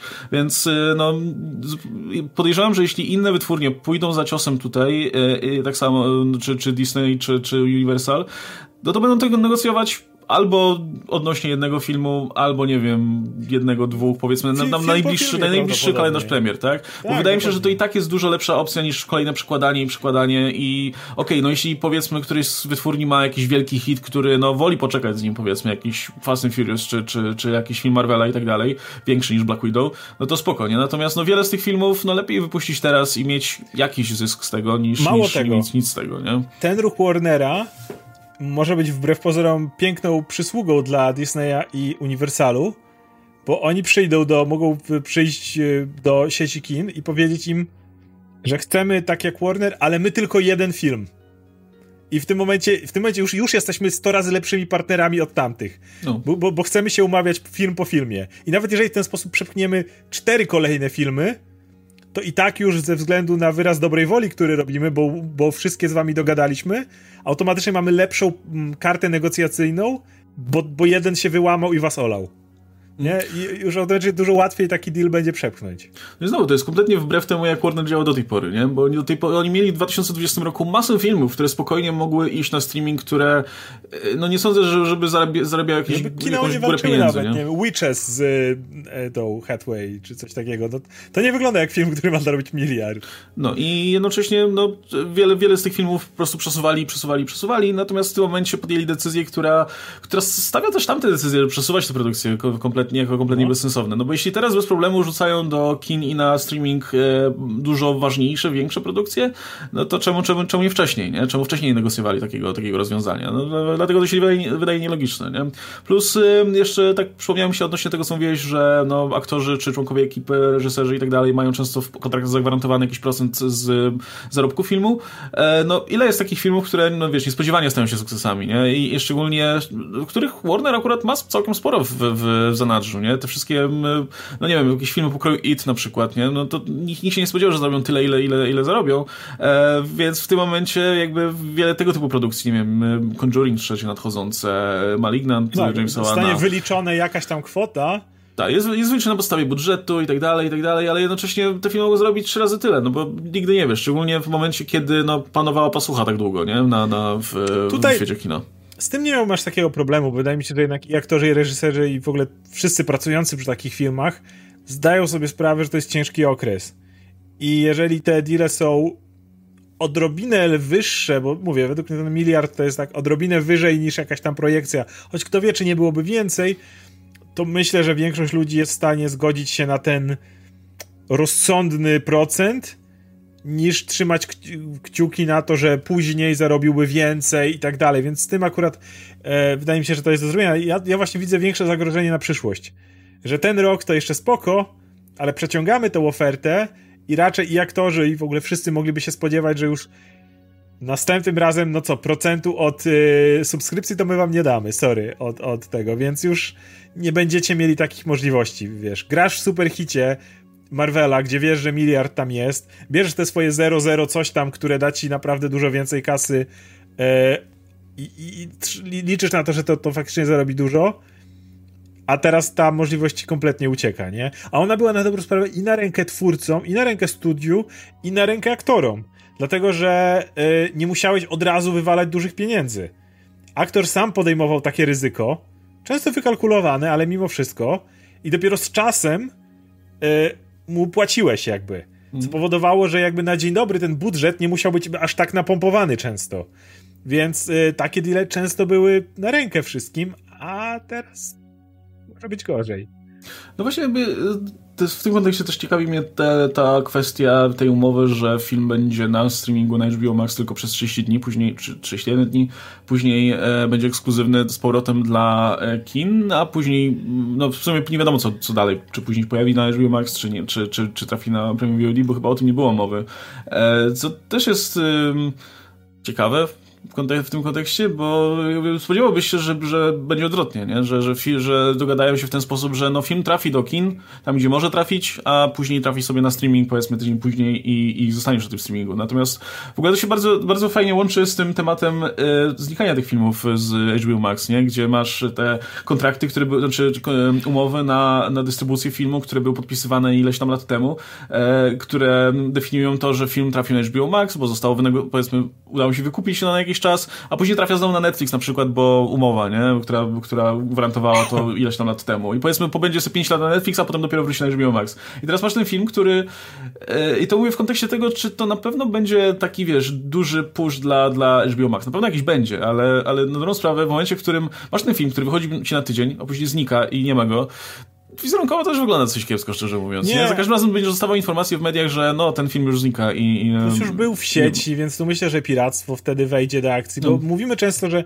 jakby piractwo może, musisz brać zawsze pod uwagę, ale, ale jakby jeżeli masz dobrą usługę, no to Netflix pokazuje, że oni się nie przejmują tym, że możesz piracko ich wszystkie seriale czy filmy dostawać. No tak, ale dlatego, że one są tam cały czas dostępne. W momencie, w którym powiedzmy wychodzi Duna, ktoś nie obejrzał Dune w pierwszym miesiącu, a potem Duna jeden sposób, żeby zobaczyć ją w kinie, a potem nawet jest pandemia, więc jest, masz jedno kino 100 kilometrów dalej, czy coś w tym rodzaju, a ten film jest nigdzie niedostępny, wydaje mi się, że szansa na założenie opaski na oko rośnie, mocno rośnie w przypadku wielu osób, bo ej, masz 4K w sieci do ściągnięcia, tutaj sieć sklepów torrent aktywna, nie? A nigdzie indziej, ej, no wiesz, mógłbyś zapłacić HBO Max, ale tam już tego nie ma. Y, I to ma, wydaje mi się, że znowu ich myśl jest taka, że to tworzy ten, jak się nazywa, urgency, coś tam, no kiedy mówisz, że limitowany towar, tak? Mm -hmm. Kupuj już teraz, już teraz bierz subskrypcję, bo za miesiąc zabraknie. Wiesz, kupuj już w tej chwili. I na pewno w jakimś stopniu to działa, bo to zawsze działa. Jak ktoś ci mignie, kup teraz, a potem znika ale tak jak właśnie mówimy, to nie są seriale, które cię trzymają. Znowu pytanie brzmi, okej, okay, ja jestem gościem, który chce obejrzeć Dune, ale kompletnie nie obchodzą mnie te dwa wielkie potwory, co się napieprzają na poryjach na przykład. No to wykupię ci ten, subskrypcję na Dune, ale jak już będzie Konki Godzilla, no to już nie będę, a ja nie dostanę drugiego sezonu Dune, czy coś takiego zaraz później, czy piątego odcinka Dune w kolejnym miesiącu, nie? Więc znowu, czy to jest na pewno tak dobry deal. Znowu, i to wygląda jak panika na zasadzie ratujmy to cholerstwo czym tylko się da. Bo tak, czy to, czy to pomoże? No na pewno pomoże. No nie ma takiej opcji, żeby to nie pomogło. Ale jak pomoże? Jak to jest skuteczne w porównaniu do wysokobudżetowego serialu? To już nie byłbym tak pewny. Najlepsze że, że gdyby faktycznie trzymali się tego, że, że to jest tylko na ten jeden rok, a później już nie, no to będzie śmiesznie wyglądało, jak wiesz, nagle po roku, no nie już nie będziemy mieli premier filmowych na HBO Max, sorry, jakby... Skończyło się. Jak coś, to możecie anulować subskrypcję, bo już nie będzie, teraz tylko, tylko będziemy protegować, no to, tylko tutaj rzeczy. To właśnie e... dochodzi, przyzwyczajasz, robisz jakieś dziwne, właśnie jak chcesz robić platformę streamingową, to, przyzwyczajasz chcesz wyrobić przyzwyczajenia, no. tak? Chcesz robić na, na Netflixie. Yy, dlaczego Netflix do tej pory nie zrezygnował z puszczania całego sezonu naraz? Bo wyrobili przyzwyczajenia u ludzi i muszą z tego bardzo powoli rezygnować. Widać, że to jest bardziej opłacalne w, na dłuższą metę jest jednak puszczać odcinek po tygodniu, ale Netflix nie może sobie na to pozwolić natychmiast, bo ludzie mogą się wkurwić, którzy mają swoje przyzwyczajenia i dlatego to bardzo, bardzo powoli dopiero schodzi, nie? I starasz się wyrabiać właśnie przyzwyczajenia i kiedy jest jaki sezon i tak dalej. A jak zrobisz coś takiego, to w ogóle jak? Mało tego, to jest jeszcze o tyle zła decyzja według mnie, że kiedy masz miesiąc tylko na HBO, a potem już tylko w kinach, to natychmiast mówisz ludziom w pewien sposób, oglądajcie nie w kinach, a u nas, bo w kinach to możecie zobaczyć w razie czego później, a u nas możecie tylko teraz. Więc wydaje mi się, że to jeszcze bardziej rypie w kina, jeszcze bardziej ściąga box office, niż yy, gdyby było odwrotnie na przykład. No. To już byłaby inna kwestia, a tak nie jest, więc to jeszcze bardziej według mnie podcina skrzydła. No właśnie, zresztą e, właśnie zmierzał tym do tego, czy bo, bo wielokrotnie w rozmaitych artykułach, publikacjach, newsach i tak dalej pojawiało się, że no to jest kurczę chyba już rewolucja, że to już jest ten taki, wiesz, do, dobicie tego gwoździa do końca, jeśli chodzi o, o, o zmianę sposobu dystrybucji. I to może wyglądać tak pierwszy rzut oka, ale jak widzisz, jak, jak zaczyna się przyglądać temu właśnie, jak, jak nie do końca, jakby widzisz, że ta decyzja nie jest częścią jakiejś strategii konkretnej. Nie jest przemyślana. Jest, nie jest, przemyślana. Nie, nie wpisuje się jakby w to, jak w strategię ogólnie rozwoju serwisu. Aczkolwiek trudno mówić o strategii rozwoju serwisu przy okazji HBO Max, no, tak osobna kwestia. I jednocześnie widzisz, jak wiesz, jak, jaki sprzeciw wobec tego, e, znaczy z jednej strony oczywiście no, to, jest, to jest wiadoma sprawa, że, że ma sprzeciw kin, ale z drugiej strony też nie sądzę, żeby inne wytwórnie poszły za tym. A no nie, trudno będzie mówić o jakiejś rewolucji, kiedy do tylko Warner się wyłamie i wyskoczy z, tą, z tą swoją propozycją. E, to, I to przede wszystkim no, to nie jest ta sytuacja, w której wytwórnia stwierdza, no dobra, po prostu przyszłość jest dzisiaj, zmieniamy model dystrybucji, robimy filmy, wrzucamy ją na nasze platformę i tak to teraz będzie wyglądało. No, no, no nie, to, to, jest, tu, tu masz pasy kruczków i asterisków, które, które ci mówią, że no dobra, ale będzie przez tydzień, a później to w sumie nie wiadomo, może, może my będziemy mieli prawa do tego, może ktoś inny, no. może się na Netflixie pojawi nagle, bo kto wie, może, może Netflix da jakieś ogromne pieniądze za ten film. Może ktoś się pozwie, bo czegoś nie wzięliśmy pod uwagę i trzeba no. będzie zdejmować. No, ja, ja generalnie nie, nie, nie wierzę specjalnie Christopherowi Nolanowi, gdy on mówi o tym, że no, kina wrócą silniejsze niż kiedykolwiek i wszystko wróci do normy, bo, bo nie wrócą. Ale inna, też, inna, inna sprawa jest taka, że wciąż wytwórni doskonale wiedzą, że ten model dystrybucji wcześniejszy był najbardziej optymalnym i jeśli będzie można chociaż w jakiejś części do niego wrócić, to no. będą rękami i nogami się zapierać, żeby do niego wrócić. Absolutnie nie? widzę opcję, w której powiedzmy, że masz film, który kosztował cię 200 baniek, żeby wyjść na zero musisz rypnąć 400, film Marvela i tak dalej i zarabiał powiedzmy 800 milionów, gdzieś do miliarda dobijał, powiedzmy, że teraz będzie zarabiał 600. Nie? Że teraz yy, o, że taki Ant-Man to będzie sufit. Nie Strażnicy Galaktyki, nie tylko tak. Ant-Man to jest dalej bardzo opłacalny przedsięwzięcie, tak? Mm. Jasne, nie robisz takich pieniędzy, jak robisz, ale tak jak mówimy, to dalej są ogromne pieniądze, które możesz zarobić. I dalej możesz Bo... ten film później, który wyszedł z kin, który zarobił ci te, nie wiem, Disney tak, Plus, który tak. zarobił jakieś 500 milionów dolarów, dopiero wrzucić na VOD, dopiero wrzucić na streamingi i jeszcze zebrać pieniądze z tego, nie? I tak. jeszcze masz, e, nie wiem, boost dodatkowy do swojego serwisu streamingowego, że film, który przed chwilą był w kinach, teraz już jest na, na streamingu. Jakaś część ludzi zawsze z tego powodu być może się zainteresuje, nie? Jakby masz dodatkowe wpływy, których tutaj, no już, już nie, trudno będzie o nich mówić, nie? E, w, tym, w, tym, w tym wypadku. Um, jeszcze, e, czy, czy Christopher Nolan coś ciekawego mówił, bo to była dosyć chyba naj, naj, naj, najgłośniej komentowana wypowiedź, bo chyba taka najbardziej no, bezpośrednia. I bo powiązana wiesz, jakby w tym, z tym wszystkim, tak? Tak, no wiesz... Jest, to ja jego film był w, e, najgłośniejszym filmem w no. czasie pandemii w kinach. Ja tak trochę sceptycznie podszedłem do tych wszystkich nagłówków, gdzie jest Christopher Nolan slams Warner Bros., nie? Że tam niszczy Warner Bros. i że krytykuje, druzgocąca krytyka Warner Bros. I mówię, aha, no pewnie tak jak zwykle, nie? Tak jak ten, e, tak jak e, teraz Robert Rodriguez krytykował ostro Johna Favreau odnośnie scenariuszy. Potem jak się wczytujesz w to i no okej, okay, czym jednak nie.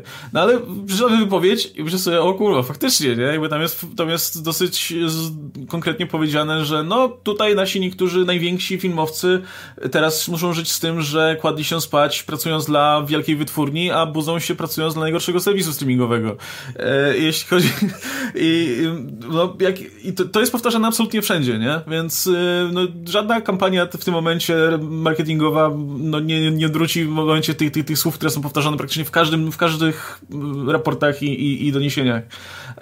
Jednocześnie, no, jakby cały, cały czas, y, co prawda, no, jakby Nolan może nie jest w najlepszej pozycji do tego, żeby, żeby tutaj wychodzić jako autorytet, jeśli chodzi o, o, o, o, o, o tę kwestię, no bo jakby też z jego nacisków y, ta, no jego naciski sprawiły, że ten Tenet no, mm.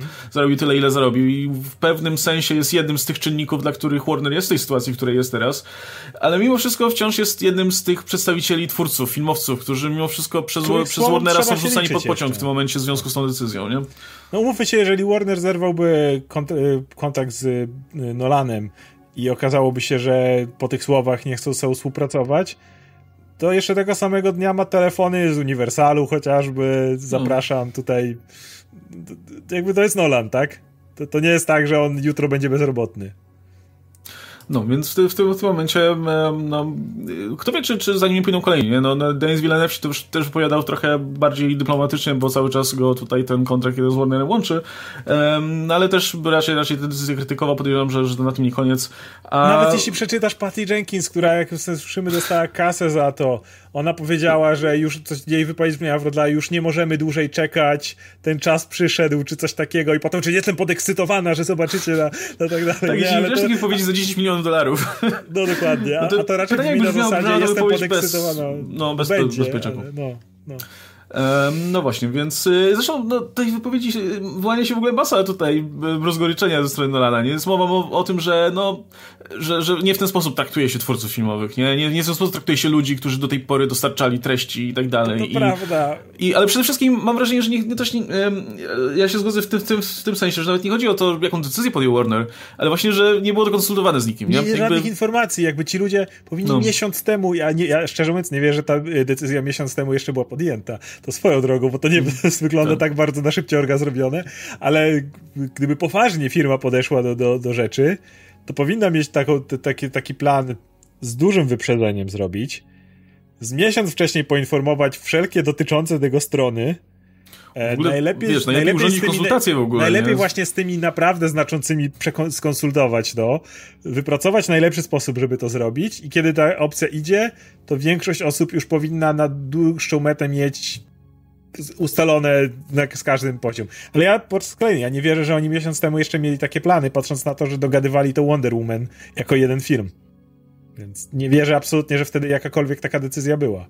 No, być może akcje, akcje um, HBO skoczyły troszkę po, po tej decyzji o Wonder Woman i to też spowodowało, że dobra, to może... Lecimy ze wszystkim. Może lecimy ze wszystkim, to, to po prostu razy 17 to będzie... To jest, no, no ale to też być może właśnie wynika to też z tego, że, że ludzie, którzy podjęli tę decyzję, no nie, nie, nie kumali do końca, jak to, jak, jak to zadziała w tej branży filmowej. I, i czy, że, że to wcale nie, nie spowoduje wielkiego entuzjazmu, tylko wręcz przeciwnie, bo, bo wiele osób się poczuje e, oszukanych albo zagrożonych w tym, w tym, w tym sensie. Nie?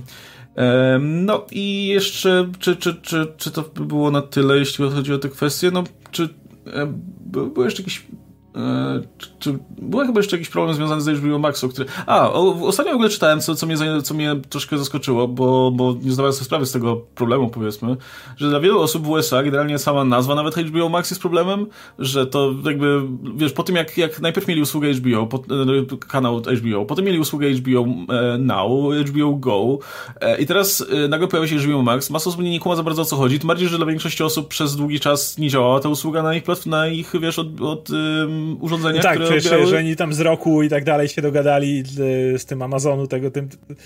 No tak, zapomniałem, że oni na te największe urządzenia no dopiero, nie, nie, dopiero chyba... Jakoś niedawno... Na, to... Chyba na Amazonie już działa, na, albo, albo na, a na roku dopiero będzie działać za jakiś czas, albo odwrotnie, nie mam pojęcia, ale no to, to tak swoją drogą, że jakby nawet, nawet najmniejsze, najmniejsze rzeczy, które można było tutaj w tym, w tym względzie zepsuć, to, to, to wiecie ja, ja mógłbym sobie nazwać serwis HBO Max, a potem stwierdzić, o kurde, nie wiedziałem, nie? No ale mam wrażenie, że tego typu rzeczy się bada zwykle wcześniej i bierze się grupy fokusowe i się zastanawia, jak no zareagują wszystko. na daną nazwę i no... No mówię, często śmialiśmy się z Disneya, że za późno zareagowali na to, jakim tytanem jest streaming. Bo do tej pory, jasne, robią 50 tysięcy seriali i Mando na razie sprawdza się super jako koń pociągowy, ale chyba wszyscy się zgadzamy, że to jest odrobinę za późno. Można było o tym wcześniej pomyśleć. I Disney przespał ten moment, kiedy Netflix i Amazon się umocnili. Ale w porównaniu do Warnera, to, to, to jak Disney przeprowadza, to oni są jeszcze, wiesz, jedno okrążenie przed nimi na tym etapie, jeśli chodzi o jakość tej usługi, o, o przygotowywany content i tak dalej. Warner po prostu jest, jest dublowany w tym, w tym wyścigu przez wszystkich. Tam, wiesz, oni nawet jeszcze kiedy, kiedy Peacock to jest tam gdzieś na horyzoncie przed nimi, to patrząc na to, jak wygląda może nie, wiesz, tam subskrybenci, tak bo to darmowe, niedarmowe, ale w Peacocku przynajmniej widzi, że jest jakaś strategia, nie? Mm. Że przynajmniej widzi, że tam coś się buduje. Więc kiedy, kiedy, kiedy, kiedy Peacock jest na horyzoncie i nie możesz go złapać i rzucasz jakieś takie dziwne rzeczy, no to po prostu Warner tak, i wiesz, szczególnie się to porównasz do, do, do, do Disneya, który Jasne, jakby no Disney do, do niedawna uchodził za, za tego no, behemota, który po prostu wbija i każda ich decyzja była, była po prostu bez, bez, bezbłędna, ale jednocześnie w tym momencie, w 2020 roku, no, Disney stracił dużo więcej na, chociażby na, na parkach rozrywki, których no, w swojej ofercie Warner Media nie ma, nie? Jakby oni są tylko i wyłącznie od branży rozrywkowej. Ich firma matka AT&T jest firmą telekomunikacyjną, która też pewnie jakby nie straciła tyle na, na, na, na, na sytuacji na świecie, co Disney, który no gdzie ich główna gałąź zarabiania jest oparta o wychodzenie i gromadzenie się ludzi w jakimś miejscu. Filmy? Co... i parki rozrywki, nie? To jest, to, to jest ich... No to jest podstawa, tak? No właśnie, no właśnie dostarczenie, dystrybucja rozrywki tak, i, i parki rozrywki. To są te, te dwie rzeczy, które, na których ich biznes się opiera, z czego ten pierwszy jest, ten drugi jest ważniejszy, nie? E, I okazuje się, że nawet przy, na, nawet wiesz, mając teoretycznie nóż na gardle i, i w, w, tym sensie, że no ta główna właśnie, główne, główne, źródło powiedzmy zarobku, e, no nie funkcjonuje i masę planów trzeba zmieniać. Mają, mieli ten cały swój plan z, z powiązaniem premier kinowych i streamingu i tak dalej. I okazuje się, że wypracowali sobie całkiem niezłą strategię. Wygląda na to, że ta ich droga, gdzie wciąż będą wspierać dystrybucję kinową swoimi filmami, wciąż jakby będą starali się, żeby, żeby tam coś się działo, a jednocześnie budują jakby trochę osobno, oczywiście w powiązaniu, nie, ale osobno jednak tą, tą swoją markę streamingową, no jest, jest to dużo, dużo, dużo lepsza i dużo lepiej odbierana niż, niż to, co w tym momencie próbuje zrobić Warner, gdzie po prostu zamienia jedną rzecz na drugą, nie, albo próbuje, nie wiem, zblendować je ze sobą. No i dobra, to w takim razie myślę, że na tym na, tym na razie zakończymy. Podejrzewam, że to, to jest rozwojowy temat i pewnie będzie, będziemy mieli jeszcze o czym mówić. będzie wracał, ktoś kogoś będzie pozywał, kto, HBO pewnie będzie... Tak to zawsze wygląda, nie? Tak jak tam naginało wcześniej... tą swoją decyzję, może tak, ale dwa dni później coś tam, kina będą miały coś, to będzie się zmieniało, będą, będzie się naginało. Wiecie, wiecie, zazwyczaj to wygląda w ten sposób yy, i wspomniałeś o tym wcześniej, że, że jakby to nigdy nie jest tak, że jedna strona stwierdza, nie no, oni mają rację, nie? więc dobra, no. to my nic nie robimy, nie? jeśli już, to jest na zasadzie, o kurwa, możemy na tym masę stracić bardzo dużo, więc okej, okay, to może nie dotykajmy tego, ale to się rzadko, rzadko, rzadko dzieje. Zazwyczaj to, będzie, zazwyczaj to wygląda w ten sposób, że ta jedna strona będzie właśnie, tak jak wspomniałeś, wyszukiwać tych takich kruczków, jakichś takich pojedynczych argumentów na swoją korzyść, ale nawet niekoniecznie, niekoniecznie po to, żeby, wygra, żeby, żeby wygrać, wygrać tę sprawę, ale żeby coś jeszcze na tym ugrać. Być może druga strona nie będzie chciała się wikłać w ten długi proces i dojdzie do jakiejś ugody. być może, tak, no, być może po prostu będą mieli wtedy podwyższą swoją pozycję do negocjacji, być może, być może to, a być może uda im się faktycznie coś ugrać, bo kto wie, kto, być może, być może sąd będzie tutaj, mm, jakby będzie preferował może um, konkurencję między, między tymi filmami, niekoniecznie, niekoniecznie to, co no zostało zapisane na twardą umowie. Jak działanie w złej wierze i tak dalej, no które właśnie. można tutaj podciągnąć, więc no są miejsca. No więc podejrzewam, że to się będzie ciągnęło, zresztą no samo to, że od razu Legendary powiedział, że no rozważamy tutaj działanie i e, kwestionowanie tego tutaj, tej decyzji. E, świadczy o tym, że to, że, że, że to jakby standardowa procedura, która tutaj no, ma, ma, ma miejsce i podejrzewam, że, że jakby nie zdziwi mnie to, jeśli celem będzie faktycznie wynegocjowanie jakiegoś układu, który zadowoli jednak obie te strony. No, no, podejrzewam, że taką najprostszą opcją, która by zadowoliła obie strony, to byłoby to, gdyby Warner wykupił po prostu te, te prawa do, do um, Konga czy, czy Dune. zapłacić naprawdę sporo kasy. Ale to musieli naprawdę dużo zapłacić, no. Pewnie tyle, ile ten Tak, ale, ale z drugiej strony Warner jest w takiej sytuacji, że już poszły spoty reklamowe, poszły wszystkie te, wiesz, ogłoszenia, już będzie ciężko się wycofać na dobrą sprawę z no. tego tego.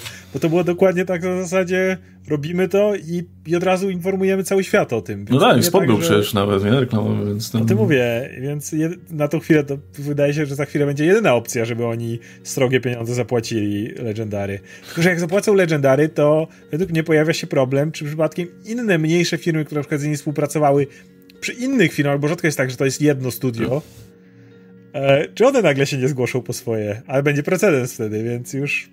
No. E, no właśnie, a jednocześnie, nawet jeśli e, potraktują to jako, wiesz, inwestycje, okej, okay, dobra, wyłożymy te pieniądze, wyciągniemy tak ze skarpety tutaj fundusze i wykupimy te filmy i teraz po prostu no co, no nie, nie, zarobimy na tym po prostu drugie tyle na, na, naszej platformie streamingowej na tych filmach? No nie, no nie sądzę, nie? To nie jest też tak, że wykupują te filmy, żeby teraz je wypuścić do kin tylko jako swoje i zarobić, zarobić na tym więcej. No, no nie, to, to wciąż będzie mimo wszystko um, prób, wciąż wypuszczenie tego na streamingach jest raczej próbą, żeby, żeby nie stracić jak, naj, jak najwięcej, więc to, to też nie im się nie będzie kalkulowało. E, no, ale będziemy wracać na pewno do, do, do tego w momencie, kiedy będziemy słyszeć o kolejnych tutaj e, decyzjach w tej sprawie, no ale właśnie zaraz mamy ten inwestor z Disneya, więc pewnie tam jakieś ogłoszenia się pojawią, być może e, to już nam powie, co, co Disney zamierza zrobić, no i zobaczymy też na ruchy innych, innych wytwórni, innych tutaj właścicieli praw do marek. Więc no będzie się na pewno działo. No i słuchajcie, w, w tym momencie, a jest, e, co jest, jest środa, kiedy oglądacie ten materiał. E, pewnie internet e, mówi między innymi o tym newsie, który teraz się pojawił w momencie, kiedy nagrywaliśmy ten materiał, że jedną z postaci, która pojawi się w Spider-Manie 3 jest Otto Octavius w, i będzie go grał oczywiście Alfred Molina.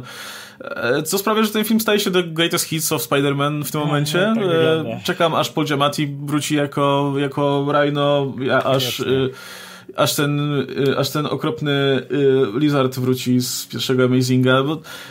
I jeszcze, I jeszcze będziesz miał, mimo tego, że jest Tom Hardy, to jeszcze wróci ten e, Eric Forman jako e, Venom. ten, ta, ta, te, Topher Grace. Topher no. Grace.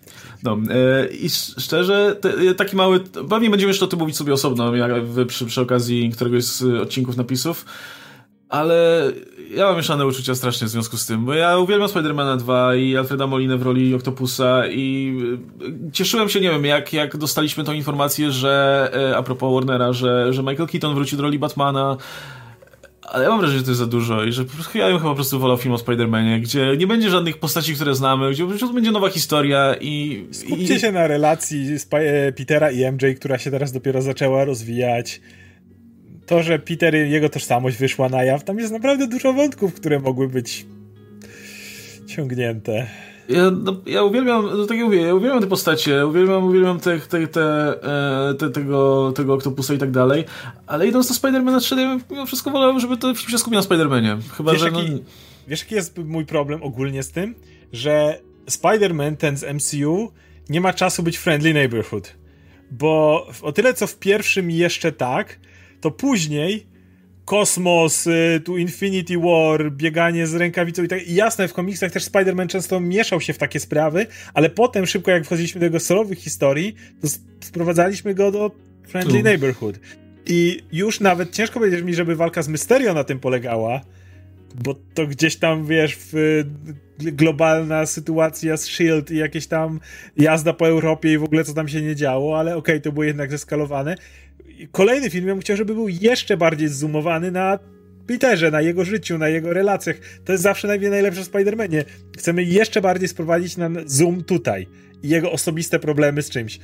A w momencie, kiedy dajesz 10 Spider-Manów i 50 przeciwników, którzy byli gdzieś tam, to, to jest, może być fajny film, może być fajny rozrywkowy, ale wydaje mi się, że nie będę miał czasu na Petera Parkera, na to, co bym chciał zobaczyć. Jakby dlaczego yy, też z drugiej strony trochę będę tutaj hipokrytą, jeżeli to mówię, bo jednak wyszedł taki film, w którym było 50 Spider-Manów i inne wymiary, a był zoomowany na życiu głównego bohatera tak bardzo, że bardziej się nie dało, więc... No, okay, można to ograć, może, nie? Ale z drugiej strony też, e, wiesz, miałeś jakby wszystkie postacie były nowe i to nie jest tak, że wiesz, że czekałeś bardzo na powrót Nicolasa Cage'a jako, jako Spidermana tutaj Noir. No, myślałeś sobie, o fajny, fajny, fajny bonus, nie? A, a tutaj masz, masz jednak postacie, które już były ustanowione wcześniej, znaczy no, Może. no nie wiem jak inne, no ten Octopus, zakładając, że to będzie ten sam Octopus i ten sama postać, no już była wcześniej, ma swoich fanów, ma, wiesz, ma ludzi, którzy będą czekać konkretnie na tę postać bardziej niż na tego Spidermana, więc... Yy no nie wiem, no, no tak. nie mówię, mówię, można to zrobić dobrze, no nie no, kto wie, być może będzie świetny scenariusz. i pokazał to, że możesz wziąć i przynajmniej trzy pająki były tam pokazane fantastycznie, jeśli chodzi o ich pers personalne problemy, nie? Z, więc... Może to będzie, właśnie, no nie wiem wciąż jak, na jak, jak duży zakres to będzie, może to po prostu będzie jakieś cameo faktycznie w tym uniwersum e, z, z filmów Raimiego, kto wie. Um, no nie wiem, no ale w, jestem trochę zaskoczony, szczerze mówiąc, jak bardzo w kierunku tego multiversum wszystkie możliwe w zasadzie, e, wszyscy możliwi gracze na rynku poszli, no. bo wow. Już zaraz się dowiemy, bo 15 stycznia wychodzi WandaVision, a jeżeli gdzieś ma się to rozpocząć, to, to podejrzewam, że właśnie tam, skoro w Multiverse of Madness Wanda ma być zamieszana, to zakładam, że jeżeli gdzieś pierwsze wyrwy, tak, multiwymiarowe się trafią, to to będzie właśnie WandaVision. No, już niedługo się dowiemy. Tam, no, natomiast no, Hollywood Reporter pisze, że reprise his role, więc zakładam, że to będzie ta sama postać, no bo bez sensu byłoby. No z drugiej strony o Elektro pisali to samo, a potem sam Jamie Foxx powiedział, że to będzie inny, nie niebieski Elektro, który ma być, powiedział badass Elektro, który nie jest niebieski, więc... Y, Jeśli, no nie wiem, może zrobią to samo co z J. Jonah Jamesonem, że to będzie, wiesz, ten sam aktor, i postać, która troszkę buduje na tym poprzednim wizerunku, ale będzie kimś innym. Może to będzie ten bucowaty, wiesz, oktopus, którego, którego znamy bardziej z komiksów, bo ja by to zagrał jak najbardziej, więc no okej, okay, spoko, no. Może to jest jakaś metoda, no, nie wiem. A, albo oktopus z gry, gdzie będą teraz Peter jest taki w takim momencie, że jakby stoi na własnym, ale jednak gdzieś go tam kusi, żeby znaleźć jakiegoś mentora w sprawach, no, jeżeli nie superbohaterstwa, to może swojej kariery życiowej, naukowej i tak dalej. Więc to będzie taki oktopus, który pojawia się jako ten mentor, który go przygarnia, może staż mu daje, czy coś w tym rodzaju, już on jest w takim wieku, że wiesz, że powinien zacząć, może w tą stronę by poszli. No, jeśli ktoś potrzebuje Spidermana w swoim życiu w tym momencie, który nie jest komiksowym Spidermanem, a jest na mniejszą skalę, no to polecam grę Miles Morales, bo ostatnio miałem okazję ją trochę popykać i jest fajna. Znaczy, zasadniczo to jest ta sama gra co poprzednio, ale z Milesem a jest, jest okej. Okay. I ma fajną historię znowu, więc y, nie, nie, nie pamiętam, kto teraz ją pisał, ale, ale całkiem fajnie jest Miles poprowadzony. I to jest trochę inny Miles znowu, trochę, trochę pomiędzy tym komiksowym, a tym z filmu. Nie jest aż tak cool jak w filmie, a jednocześnie jest, jest troszkę mniejszą fight łapą niż, niż w komiksach zazwyczaj. E, no może nie ostatnio, ostatnio trochę dorósł, nie? Ale, ale z komiksu Bendisa powiedzmy.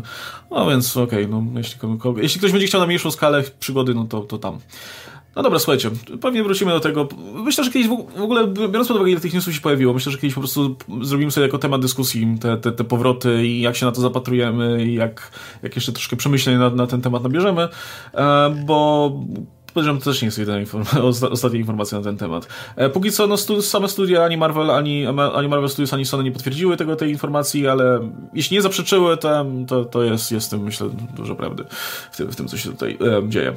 No, to tyle. Słuchajcie, dajcie nam znać, jak wy się zapatrujecie na tę sytuację z HBO. Tak jak mówię, ja, ja osobiście ja mam trochę, ja, ja jestem trochę skonfliktowany, bo jako, jako um, no właśnie konsument, super, bo ja, fakt, że duże filmowe, duże kinowe filmy będą trafiać na streaming jest dla mnie po prostu idealny, bo e, e pomijając oczywiście tę kwestię, jak to wpłynie na branżę, bo to jest też osobna kwestia, nie? Jako, no wiecie, świadomy konsument wypadałoby mnie brać to pod uwagę, nie? Natomiast jako, jako, jako ten leniwy Wygodnicki, który, który um, jednocześnie wolałby nie iść, nie, nie iść do kin, kiedy nie trzeba, no to, to, to się z tego powodu cieszę, natomiast no widać, widać jakie ta decyzja będzie miała konsekwencje na, całą, na całą branżę, nie? Ile osób na nie traci na dobrą sprawę i to takich, i to, i to niekoniecznie, wiecie, niekoniecznie korporacji, ale też po prostu twórców, który, ile nie lubicie korporacji e, i, nie wiem, czy lubicie, czy nie lubicie, ale jeśli można krytykować korporacje i nie życie im wcale wszystkiego najlepszego, tak jednak twórcy wydaje mi się, że zasługują na to, żeby, żeby być szanowani, tak? I, i, i traktowani po partnersku przez, przez, no, przez te korporacje właśnie. A tutaj ewidentnie nic takiego nie zaszło, więc no... Spoko. Im więcej, powiem tak, im więcej się dowiaduję o tym całym, o tej całej e, sytuacji, tym no, gorzej na to patrzę niestety. O ile ten, ten pierwszy moment był bardzo pozytywny, tak im dalej, tym, tym jest coraz gorzej. No, no ale zobaczymy. No, to by było na tyle, słuchajcie, tak jak mówiłem, dajcie nam znać, jak, jak się nas zapatrujecie. Ze mną był Oskar Rogowski, jestem są Łukasz Stelmach. No, oczywiście możecie nam też zadawać pytania, macie link w opisie. Tam jakiś czas temu, zdaje się, był, były dwa czy trzy dni, kiedy ten link nie działał z jakiegoś powodu. Jak stwierdziłem, że okej, okay, dobra, trzeba to naprawić, kliknąłem, to zaczął działać nagle i już jest okej, okay, w razie czego. No, więc zachęcam do zadawania pytań. Tymczasem będziemy się e, żegnać. Trzymajcie się, cześć.